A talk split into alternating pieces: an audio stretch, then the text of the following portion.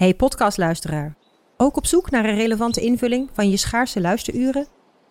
Tune dan in op de podcastserie ESG, even samengevat van BNP Paribas. Wij, Marloes en Aldert, spreken daar duurzame voorlopers en wereldverbeteraars. Waarover dan? Nou, bijvoorbeeld of we ooit duurzaam kunnen gaan vliegen.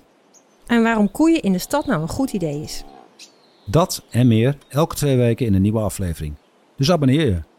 ESG, even samengevat.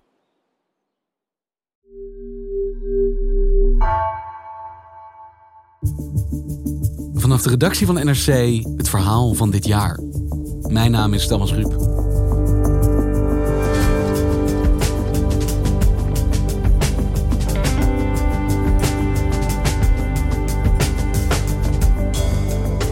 Het was een van de grote gebeurtenissen van afgelopen jaar. De Black Lives Matter demonstratie op de Dam. 14.000 mensen op de been. Institutioneel racisme op de politieke agenda, maar ook kritiek en controverse. Binnenlandredacteur Thijs Niemandsverdriet kijkt terug met twee van de organisatoren. Wat is er sindsdien gebeurd? En heeft de demonstratie in Nederland iets veranderd?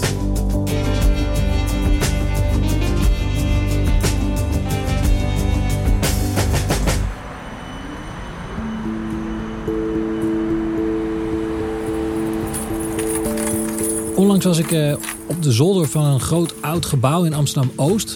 En uh, daar bevinden zich de Black Archives.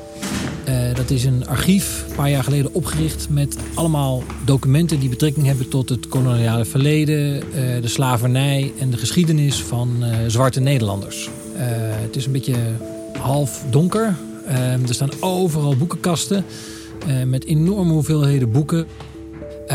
er zijn ook allerlei artefacten dus uh, bijvoorbeeld uh, oude boekjes over, over Zwarte Piet uit, uh, uit de vorige eeuw met echte racistische stereotypen. Oh ja, dit zijn dan die kinderboekjes uit de jaren 50 of zo. Wat is dit?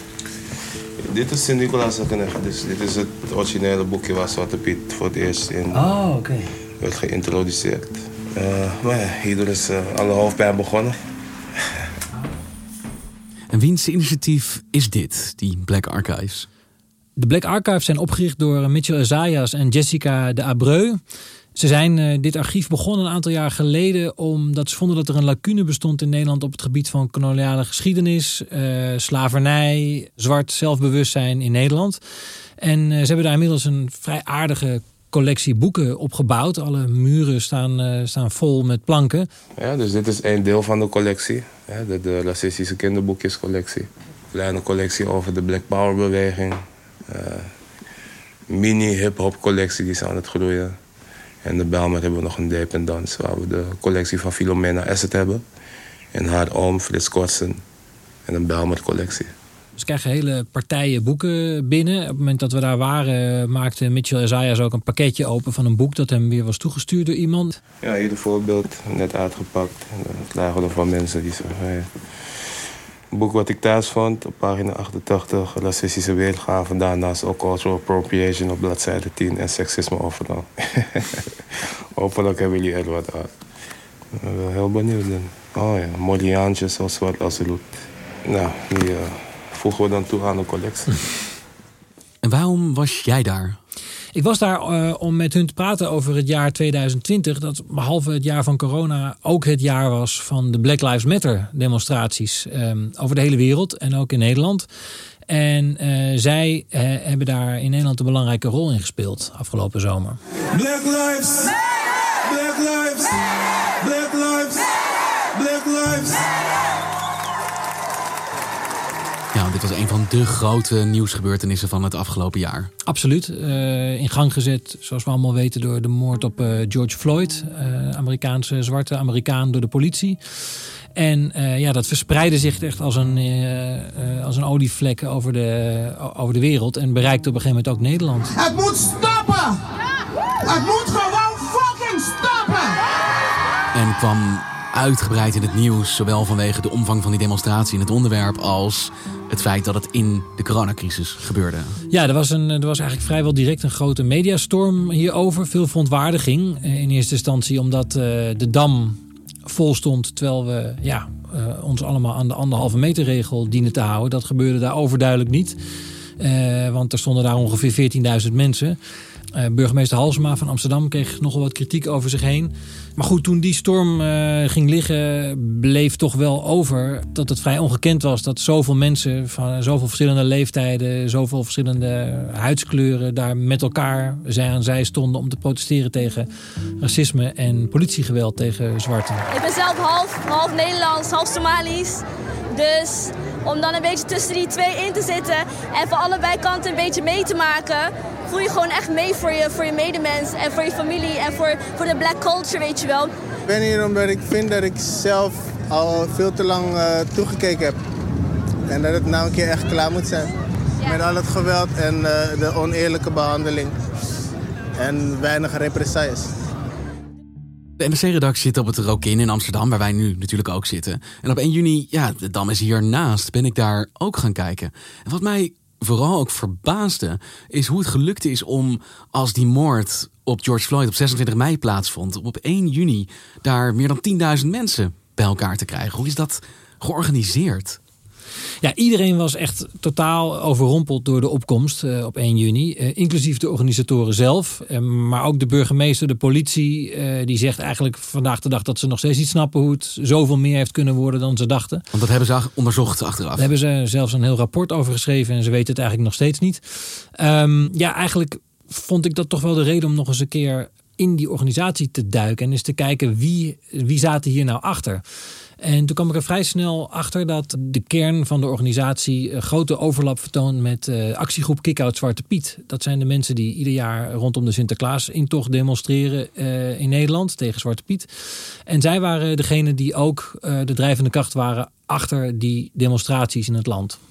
Eigenlijk moet je dat zien als de oogst van jarenlang actie voeren. Um, ze hebben een aantal jaar geleden besloten, die actiegroep, om uh, niet meer op één bepaalde plek te gaan demonstreren, altijd bij de intocht, maar op verschillende plaatsen in Nederland. Uh, en daardoor heb je ook eigenlijk afdelingen overal in het land die heel snel in de benen konden komen om daar demonstraties te organiseren. En verder uh, hebben ze natuurlijk een schat aan ervaring opgebouwd. Uh, want ze hebben natuurlijk heel veel weerstand ondervonden bij die demonstraties. Dus zij weten ontzettend goed, die mensen van dat kernteam, zoals dat heet, van uh, Kik uit Zwarte Piet, hoe je om moet gaan met wijfelende ambtenaren, nerveuze burgemeesters. Wat je rechten zijn, hoe je onderhandelt, hoe je zorgt dat je een goede plek krijgt langs het parcours van de intocht. De infrastructuur en de strategie die lagen er al. En dit was de perfecte aanleiding om dat helemaal uit te buiten. Ja, je moet het zo zien. Eigenlijk is is ja, wat inmiddels Black Lives Matter Nederland heet. Dat is een, een netwerk, een platte organisatie van mensen overal in het land. Uh, vaak weer met verschillende achtergronden. Die razendsnel met elkaar communiceert uh, via sociale media en via WhatsApp. Ja, dat kwam nu heel goed uit de verf. Welke plek nemen de Black Archives in binnen dat netwerk? Mitchell Zayas en Jessica de Abreu, die uh, zijn behalve archivaris, academicus zijn ze ook activist. Ze doen het eigenlijk allebei. De meeste mensen die schrijven boeken en zitten achter een bureau. Uh, of ze voeren actie. Mhm. Maar zij doen het allebei. Uh, dus zij uh, waren heel erg betrokken deze zomer bij die protesten. Vanuit het bestuur, vanuit de politie komt er dus eigenlijk nauwelijks een antwoord op hoe het zo snel georganiseerd kon worden. Wat zeggen zij daarover bij de Black Archives? Zij zeggen zelf eigenlijk dat er een soort perfect storm was die maandag 1 eh, juni. Het was de eerste dag dat dus wat we toen de intelligente lockdown noemden, uh, versoepeld werd. De cafés gingen weer open, de terrassen gingen weer open. Het was een vrije dag. Het was fantastisch weer. Mensen hadden veel thuis gezeten, wilden graag naar buiten. En niet te vergeten, die zaak van George Floyd was heel bruut en heel naar. Die beelden waren gewoon integraal te zien online. Die gingen de wereld rond. En iedereen die dat zag, ja, zijn maag draaide zich om. En voelde blijkbaar een soort urge om uh, te gaan demonstreren. En kijken zij erop terug als een succes? Ja en nee. Ze vinden het natuurlijk prachtig dat er zoveel mensen zijn gekomen. Want kijk, ze hebben natuurlijk jarenlang uh, die Zwarte Piet demonstraties uh, georganiseerd. Nu al bijna tien jaar lang. En dat is een hele ondankbare taak. Want dat is in november, het is koud. En uh, ja, als jij tegen Zwarte Piet gaat demonstreren tijdens de nationale intocht, dan krijg je gewoon ontzettend veel agressie over je heen. Uh, in de eerste jaren van politie, grote arrestaties waarbij veel geweld werd gebruikt. In de laatste jaren uh, de hooligans die massaal afkomen op hun eh, demonstraties. En waarbij het ook heel gewelddadig kan worden. Dus eh, het is niet een hele populaire bezigheid. Eh, ze vertelde ook dat ze toen er vorig jaar bij de intocht duizend mensen in totaal demonstreerden door het hele land. Dat ze daar eigenlijk ontzettend blij mee waren. En ja, en nu waren het er ineens 50 keer zoveel. Dus dat was een reden om trots te zijn. Ja, zeker. Ik, eh, als ik gewoon al mijn activisten-collega's eh, nog steeds spreek, spreken ze echt over een magisch moment constant. Ik zie Mitchell wel een beetje lachen. maar ik ben bijzonder blij dat überhaupt eh, zoveel mensen de straat op gaan.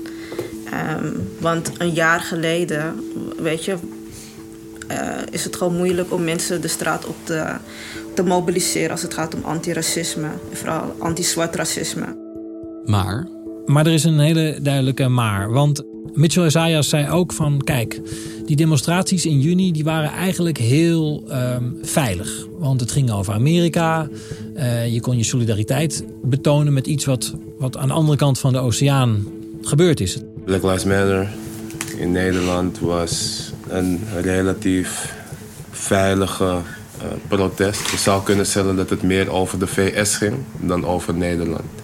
Hè, waardoor mensen, eh, de autoriteiten en politie kunnen zeggen van nou, hè, goed dat jullie solidariteit laten zien met eh, wat er in de VS gebeurt. Hè. Natuurlijk ging het ook over wat er hier gebeurde, maar het was wat minder confronterend in die zin. Terwijl als we het hebben over Zwarte Piet, ja, dan hebben we het echt over iets heel erg Nederlands.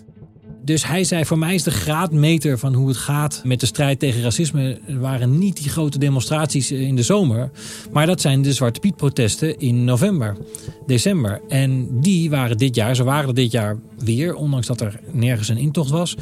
En ook dit jaar zijn die weer uit de hand gelopen. Dus eigenlijk zei hij, ehm, de graadmeter zijn die protesten... en helaas is Nederland ook dit jaar weer gezakt voor dat examen.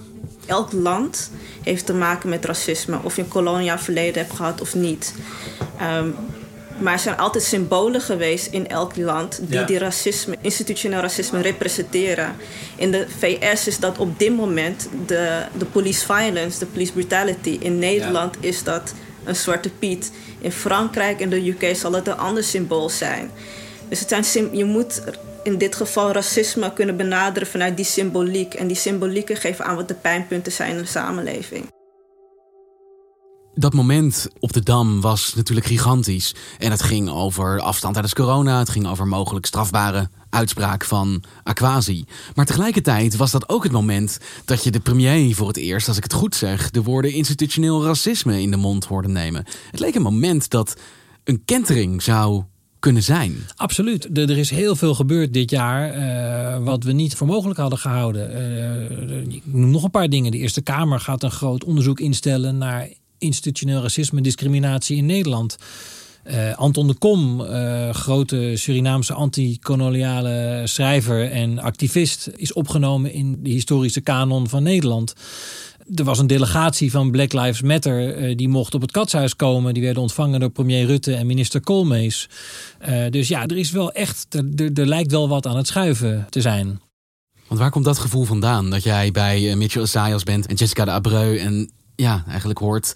misschien heeft dit helemaal niet zoveel teweeggebracht. Nou, waar ze erop wijzen is dat institutioneel racisme wel degelijk eh, op de politieke agenda is gekomen. Dat er heel veel aandacht voor is. Maar dat er tegelijkertijd eh, zij eigenlijk merken dat de weerstand bij tegenstanders alleen maar groter geworden is. Er is zeker een groep eh, mensen die willen dat Zwarte Piet zwart blijft. En het is een kleine groep, maar ze worden wel steeds gewelddadiger. En dat zie je ook gewoon met andere eh, debatten in de samenleving. Het is vaak maar een kleine groep die een te harde eh, stem opeist en ook gewelddadiger wordt. Ja, en je bent dan als organisatie waarschijnlijk jaren op zoek naar een vorm van nou, mainstream erkenning. En die lijkt dan te komen. Maar dan is het juist dus de nou, radicalere groep die daardoor verder radicaliseert. Nou, bijvoorbeeld eh, wat dit jaar voor Jessica eh, nogal ja, dubbel maakte, is dat zij eh, dit jaar thuis zat vanwege de gevolgen van een enorme burn-out. die getriggerd werd door een hele agressieve aanval eind vorig jaar. Eh, door hooligans bij een vergadering in Den Haag van Kickout Zwarte Piet. Dat was in november 2019. Uh, Kickout Zwarte Piet vergaderde ehm, met, uh, in Den Haag in een oud schoolgebouw om te praten over ja, hoe ze de demonstraties dat jaar zouden gaan aanpakken. En ze zijn toen belaagd door een groep van 20, 30 uh, ja, hooligans, extreemrechtse activisten. Die ja, hun bekogeld hebben met zwaar vuurwerk, ruiten hebben ingeslagen. Ik hoor het vuurwerk en ik zie echt flitsen naar ons toe komen. En toen dacht ik, dit gaat fout. naar binnen proberen te dringen. Dit gaat echt fout. En we staan met drie, vijf man buiten. Die kunnen die 20, 30 man niet tegenhouden. Dus die rennen ook naar binnen. En ja, dat was echt een bijzonder eng moment. Jessica stond ook buiten op wacht, want ze hadden al signalen gekregen van tevoren dat het wel eens mis zou kunnen gaan. En die heeft die, die mannen op hun af zien komen. En de politie kwam gewoon veel te laat. Dus uh, je weet al dat de politie er niet was om je te beschermen afgelopen jaren. En ik denk dat ik niet de enige ben geweest die avond die dat dacht. Eigenlijk als gevolg daarvan is er iets wat bij haar al sluimerde langere tijd. Het tekenen van een burn-out. Dus ik had die symptomen had ik eigenlijk gewoon naast me neergelegd tot die dag. Dat ze te frequent waren. En ja, toen, nu ben ik een jaar binnengebleven. Ze was dus ook niet op de Dam. Dat was ook heel dubbel voor haar. Het was een moment van triomf voor de uh, antiracismebeweging. Maar zij was er niet bij. Zij was thuis. En er gebeurde nog iets dit jaar. Ja, een week of twee geleden werden wij opgeslikt toen een collega hier naartoe kwam. En uh, ja, zij zag dat een prachtige muurschildering die we hebben laten maken... Met portretten van een aantal Surinaamse en zwarte helden. was beklad met uh, witte verf en stickers waarop stond... Roetveeg Piet is genocide. Dus dat was natuurlijk vrij bizar, schokkend en zorgwekkend. Dat kwam aan het licht, ironisch genoeg, op het moment dat uh, Mitchell Isaiah op een hoorzitting zat in de Tweede Kamer om over racisme te praten. Zeer ironisch. Uh, heel ja, toevallig, maar inderdaad zeer ironisch. En nou is het zo dat zij als activisten inmiddels wel gewend zijn aan, aan, aan bedreigingen. Ieder jaar rond november, december, dan begint het weer en dan krijgen ze alle racistische drek over zich heen. Uh, Mitchell Isaiah praten eigenlijk heel casual over ja, doodsbedreigingen. Uh, maar eigenlijk voelde dit, zeiden ze, deze bekladding intimiderender dan zo'n doodsbedreiging. Online kan iedereen gek iets posten. Uh, je, kan heel, je kan gewoon anoniem uh, iets posten. of je kan vanuit emotie heel direct reageren. Dus dat neem ik meestal wel met een korreltje sap. Maar dit ja, is gewoon een hele doordachte actie. Want iemand heeft de tijd genomen om verf te kopen stickers te laten drukken. Uh, die, die weet dus waar wij zijn gevestigd, heeft ons adres opgezocht. Is midden in de nacht hier naartoe gekomen. En heeft ook de tijd genomen om dus die muurschilderingen en portretten te bekladden. Dus ja, dat is een hele doordachte en gecoördineerde actie. Een poging tot intimidatie. Um, en een aanval op ons. Hey Thijs, wat er nu met hun muur gebeurd is, eigenlijk die witte bekladding van zwarte gezichten, is dat op een wrange manier niet ook precies iets wat thuis hoort in de Black Archives? Ja, en uh, dat is ook wel grappig. Nadat we die muurschildering hadden bekeken, gingen we omhoog naar de, naar de, naar de zolder waar het archief zit. En uh, daar zag ik dat de stickers met uh, Roetveeg Piet is genocide inmiddels in een mapje uh, zaten en bij het archief waren gelegd. Want ook dat is documentatie van hedendaags racisme. Dat kan direct van buiten naar Hoppakee, kon in één keer zo het archief in. En wat gaan ze dan doen met die muurschildering nu? Ze hebben overleg gehad met de kunstenaars van de muurschildering. En ze gaan die muurschildering, ze gaan die gezichten gaan ze opnieuw maken. En we gaan het zelfs uitbreiden. Dus dat is ook leuk. Hè? Ze gaan, het is nu gewoon op ooghoogte. En we, gaan, we hebben nu de ambitie om de hele gevel tot in de hoogte te laten beschilderen. Uh, dat gaan we wel in het voorjaar doen. Het is nu een beetje koud voor die kunstenaars. Uh, maar ja, we komen gewoon uh, bigger en better terug. Dankjewel Thijs. Graag gedaan. Je luisterde naar vandaag, een podcast van NRC. Eén verhaal, elke dag. Deze aflevering werd gemaakt door Misha Melita en Misha van Waterschoot. Ook wel de Misha's. De muziek die je hoort is van Rufus van Baardwijk. Chef van de audioredactie is Anne Moraal. Dit was vandaag. Morgen weer.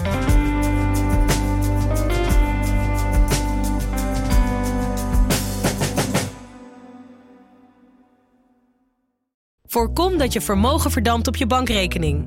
Beleg bij Bridgefund in kortlopende leningen aan Nederlandse MKB'ers. Inleg vanaf 100.000 euro en rendement tot wel 5,25% per jaar. Bridgefund. Make money smile. Let op, u belegt buiten AFM-toezicht. Geen prospectusplicht voor deze activiteit.